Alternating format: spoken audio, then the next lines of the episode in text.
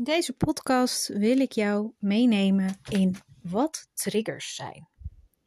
Triggers zijn eigenlijk alle dingen in jouw buitenwereld die jou raken. Kort gezegd is dat wat een trigger is. En je hebt natuurlijk positieve triggers en je hebt negatieve triggers. En we zijn een beetje geneigd om te denken dat triggers alleen maar dingen zijn die een mens tegen je zegt of wat een mens met je doet. En dat is natuurlijk ook zo. En tegelijk kan het ook zomaar iets zijn wat niet per se door een mens uh, wordt tentoongesteld, maar bijvoorbeeld een beeld, hè, of een foto, of een geur, of een smaak. Dus dat zijn dan de meer ja, um, zintuigelijke prikkels die een herinnering triggeren die dus weer samenhangt met een ervaring waar weer een emotie aan hangt. En die emotie is natuurlijk weer ja, een trigger als het iets bij je oproept. En dat kan dan positief zijn of negatief. Nou, laten we eerst kijken naar wat positieve triggers zijn. Positieve triggers zijn natuurlijk heel erg leuk. Hè? En um, ik gaf net het voorbeeld aan mijn dochter toen ik haar uitlegde over triggers, omdat ik haar graag wil laten leren ademen uh, in plaats van meteen in haar boosheid te schieten. Um, vertelde ik haar dat een positieve trigger kan zijn dat je bijvoorbeeld een bord vol met donuts ziet en er staat een bordje naast gratis. Nou, dan gaat er bij haar iets jubelen. Het doet iets met haar. In dit geval maakt het haar heel blij, want ze is gek op donuts en sowieso is ze gek op snoepen en op eten.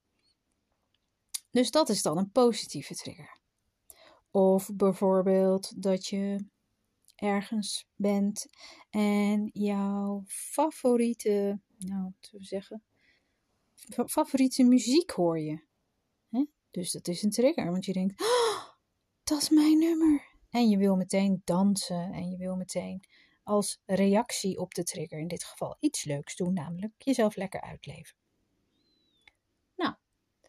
Zo kan er natuurlijk nog veel meer zijn dat jou raakt op een positieve zin. En, en daar kun je natuurlijk uh, oneindig over doorpraten. Maar alles wat jou blij maakt, opgewekt maakt, enthousiast maakt, uh, dat zijn positieve triggers. En het tegenovergestelde, de negatieve triggers. Dat zijn natuurlijk dus eigenlijk precies die dingen die in de buitenwereld kunnen ontstaan die een negatief gevoel bij je oproept. En ja, wij labelen ze zelf als negatief, omdat wij moeite hebben met die emoties. Terwijl er eigenlijk vanuit mijn optiek niet echt negatieve emoties bestaan. Maar omdat wij zelf nog vaak moeite hebben om bepaalde emoties toe te staan, of dat we er een oordeel op hebben, of omdat anderen een oordeel erop hebben, waardoor wij er weer een oordeel op hebben, dan is het dus moeilijk voor ons om die ervaring toe te staan. En daardoor willen we ervan afbewegen. Maar ja, het feit is dat er in die buitenwereld nou eenmaal een trigger is. En ja, dan kun je twee dingen doen. Je kunt ervan wegbewegen.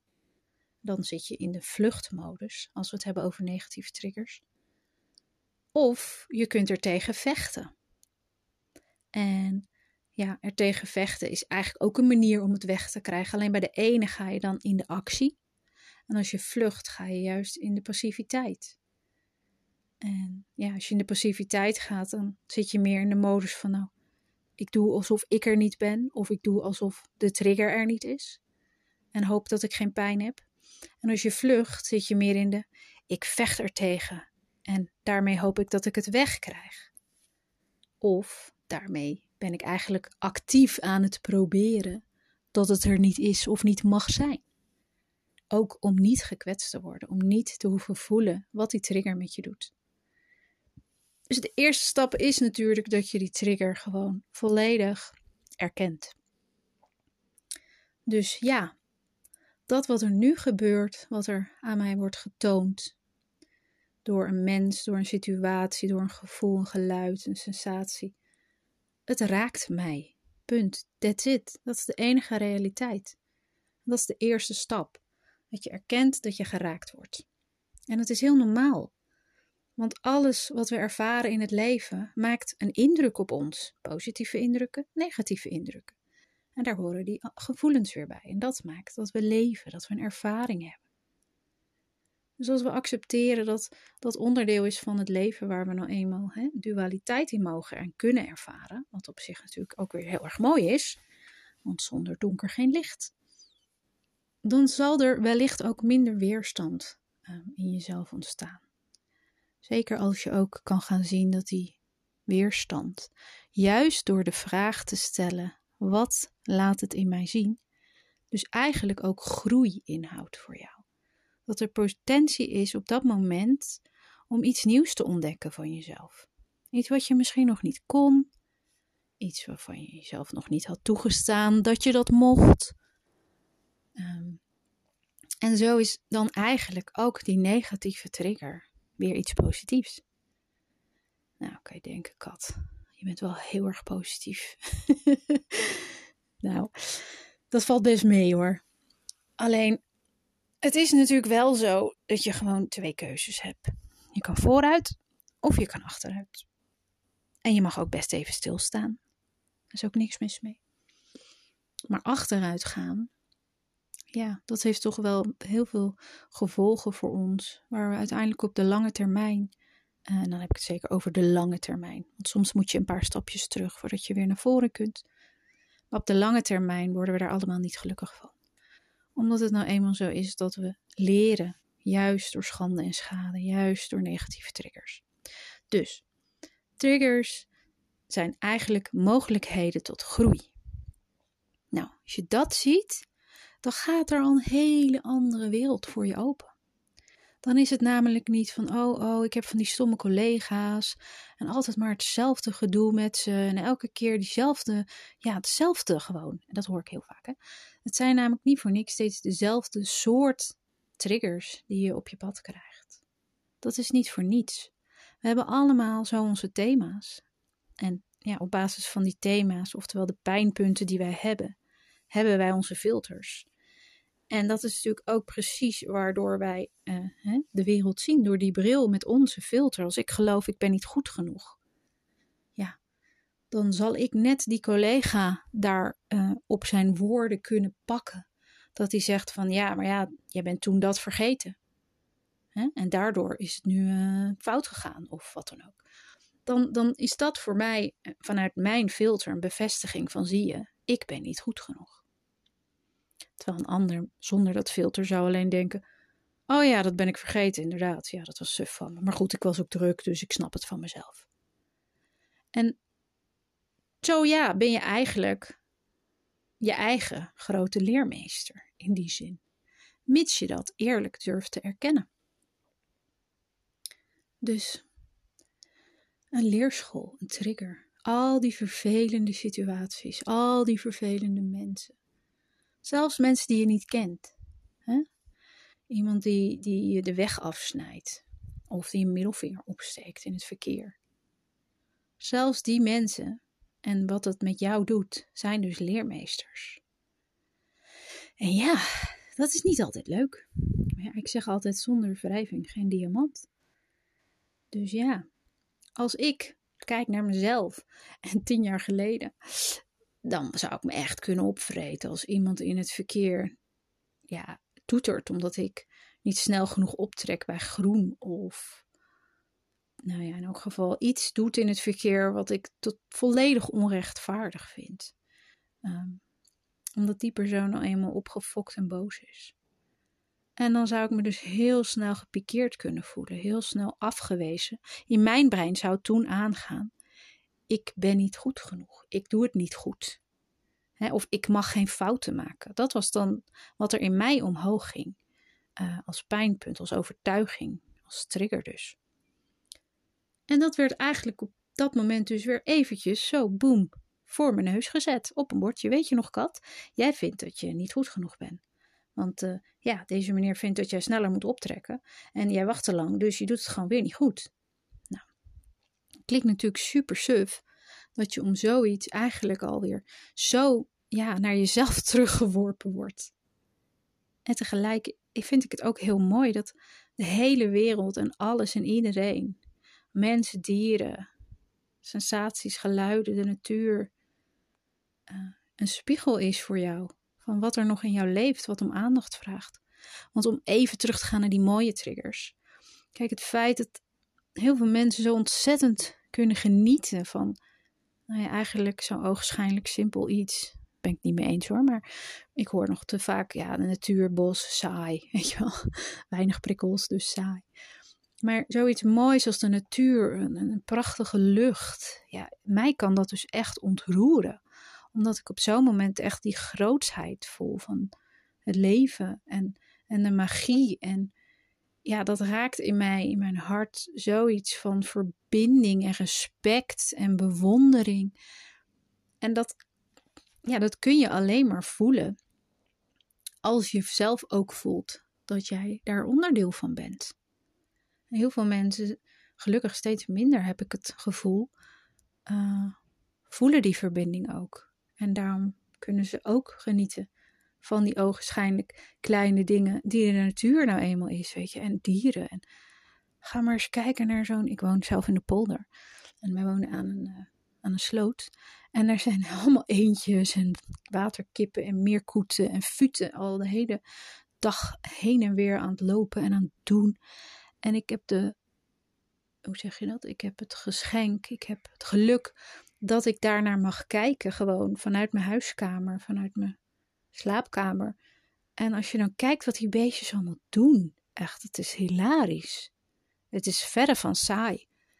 En dat doen we bijna nooit. We hebben toch helemaal geen tijd voor om een beetje naar stel koeten te gaan zitten kijken. Ehm, maar toch, als je daar een keer jezelf de tijd voor gunt, want tijd is er natuurlijk genoeg. En je kunt daar de verwondering in zien van, Die, die beestjes hebben dus ook gewoon een heel eigen manier van doen. En waarschijnlijk, maar ja, zeker weten doen we het natuurlijk nooit. Hebben ze niet per se een ik-bewustzijn van zo, weer een nieuwe dag. Nou, vandaag ga ik even tien keer heen en weer zwemmen. Dan ga ik even duiken. Dan ga ik even een paar takjes in en uit mijn nest gooien. Want dit takje is toch niet zo mooi als dat takje. En dan ga ik weer terug. Dan ga ik even vechten met die eend. Want ehm, ik vind gewoon dat hij daar niet mag zitten, want het is mijn plek. Je, je hebt geen idee wat er in zo'n beestje omgaat. Dat is wat ik dan eh, wel eens denk. Maar tegelijkertijd zijn het dus allemaal op zichzelf staande organismen. En dat geldt natuurlijk niet alleen voor, voor dieren en insecten, maar ook voor bloemen en planten en wateren en nou ja, alles eigenlijk wat er is. Maar ik dwaal een beetje af. Triggers dus. De eerste vraag is dus: wat is er in mij dat geraakt wordt? En als je daar al achter kan komen. Door verbinding te maken met je lijf. Door te voelen van hé, hey, waar in mijn lijf gebeurt er iets? En daarvoor moet je natuurlijk, en dat is ook best lastig, vanaf het moment dat er een trigger is in de buitenwereld. En het eigenlijk heel snel gaat in je systeem. Oh, paniek, angst, oerbrein, vecht of vluchten en gaan. En dan is je gezonde verstand, uh, je, je, dat deel van je hersenen is eigenlijk al uit je moet daar dus alert op zijn. Je moet eigenlijk al herkennen, of misschien zelfs weten, wat jouw triggers zijn. En daarvoor is het handig om te weten wat jouw thema's zijn. En als je die herkent en dus daardoor ook sneller door hebt van, oh, dit wordt er nu in mij geraakt, dan kun je het beste op dat moment gaan ademhalen door die manier, vier seconden in, zes seconden uit. Daar staat ook een oefening voor uh, tussen mijn podcast, um, nummer 41 volgens mij dan kun je op die manier in het moment zorgen dat je bij jezelf blijft. En de verbinding naar binnen leggen. De aandacht naar binnen verplaatsen. En door die ademhaling toe te passen, gaat je parasympathische aan en je sympathische uit. Dus het stresssysteem gaat uit worden geschakeld. En je ontspanningssysteem wordt weer ingeschakeld. En dat geeft je ook veel meer tijd om adequaat te kunnen reageren. Maar je moet wel minstens drie minuten even die ademhaling toepassen om die switch te maken. Want het gaat razendsnel. En als jij drie minuten kan ademen en tegelijkertijd kan voelen wat er eigenlijk in je lijf zit. Waar zit die spanning? Waar voel je die verkramping? Vaak is het bij ons hartgebied, maar ook heel vaak is het bij ons borstbeen, zeg maar boven je navel. En dat is ook niet zo gek, want het thema bij je borstpijn gaat natuurlijk over, over jouw handelen. Mag je handelen? Mag, mag jij deze keus maken? Mag jij, mag jij zo reageren? Doe jij het goed? Of ben je nu machteloos? Um, en je hart, ja, dat gaat letterlijk eigenlijk nog een stapje dieper over thema's van: hè, ben jij wel goed genoeg? Um, dus dat gaat echt ook over het zijn, over het goed zijn. Het andere gaat meer over het goed doen. Uh, maar bij je hart, het voelen, dat, dat trekt eigenlijk in twijfel. Of, nou ja, het laat zien dat jij jezelf dus op bepaalde vlakken misschien nog niet voldoende accepteert, nog niet voldoende lief hebt. Dus voel maar als je die ademhaling doet en je hand, je ene hand op je onderbuik, je andere hand op je hart legt. Waar zit er nu verkramping? Waar is er nu onrust? En dit kun je ook heel goed doen als je dus in een relatie merkt dat er heel veel triggers zijn. En als die er is, kun je ook een codewoord afspreken. Dat je zegt: Oké, okay, wij doen samen een codewoord. En als er een enorme trigger is, of het moment dat je hem opmerkt in elk geval, en dat kan ook later zijn dan je had gewenst, maar weet je, beter dan nooit. Dan spreken jullie af dat jullie elkaar op dat moment dus even met rust laten. Je trekt je even terug om die ademhaling te doen, om bij jezelf te komen, zodat jullie niet gaan reageren vanuit die pijnstukken, vanuit die triggers, vanuit die thema's, vanuit die innerlijke kindstukken die geraakt worden om daar niet voor te vluchten, maar om daar juist bewust verbinding mee te maken. En vervolgens te erkennen dat het er is. Dat doe je zelf. Dat is een stuk van het innerlijk kindwerk. Wat heeft het nodig? Wat wil het horen? Hè, het grootste geval wil het gerustgesteld worden. Het wil gekoesterd worden. Het wil begrip. Dus we gaan niet uitleggen, we gaan niet relativeren. Nee, we gaan onszelf volledig omarmen daarin begripvolle, compassievolle, liefdevolle energie daar naartoe sturen. Door daar te zijn, door jezelf vast te houden. En als je dat kan, dan is de volgende stap dus pas: oké, maar wat heb ik nu nodig? En dat is de stap waarin je ook misschien in staat bent. Als de emoties dus wat gesust zijn, de trigger is weg, de rust is wedergekeerd, de pijn eronder is erkend. En dan komt de stap nu ga ik naar de buitenwereld kenbaar maken vanuit mijn volwassen innerlijke persoon, mijn volwassen innerlijke man zou je kunnen zeggen. Die komt voor zichzelf op. Wat had ik nodig? Wat vind ik fijn? En je kunt natuurlijk ook delen wat er geraakt is. Dat schept ook verbinding, zeker als je partner om vraagt, of als je het zelf nodig vindt. Maar dat is hoe je daar vervolgens, nou ja, als je echt wil bouwen, uh, mee om kan gaan met die trigger. En natuurlijk zou het geweldig zijn als we ook zover zijn dat we dit ook in werkrelaties kunnen toepassen.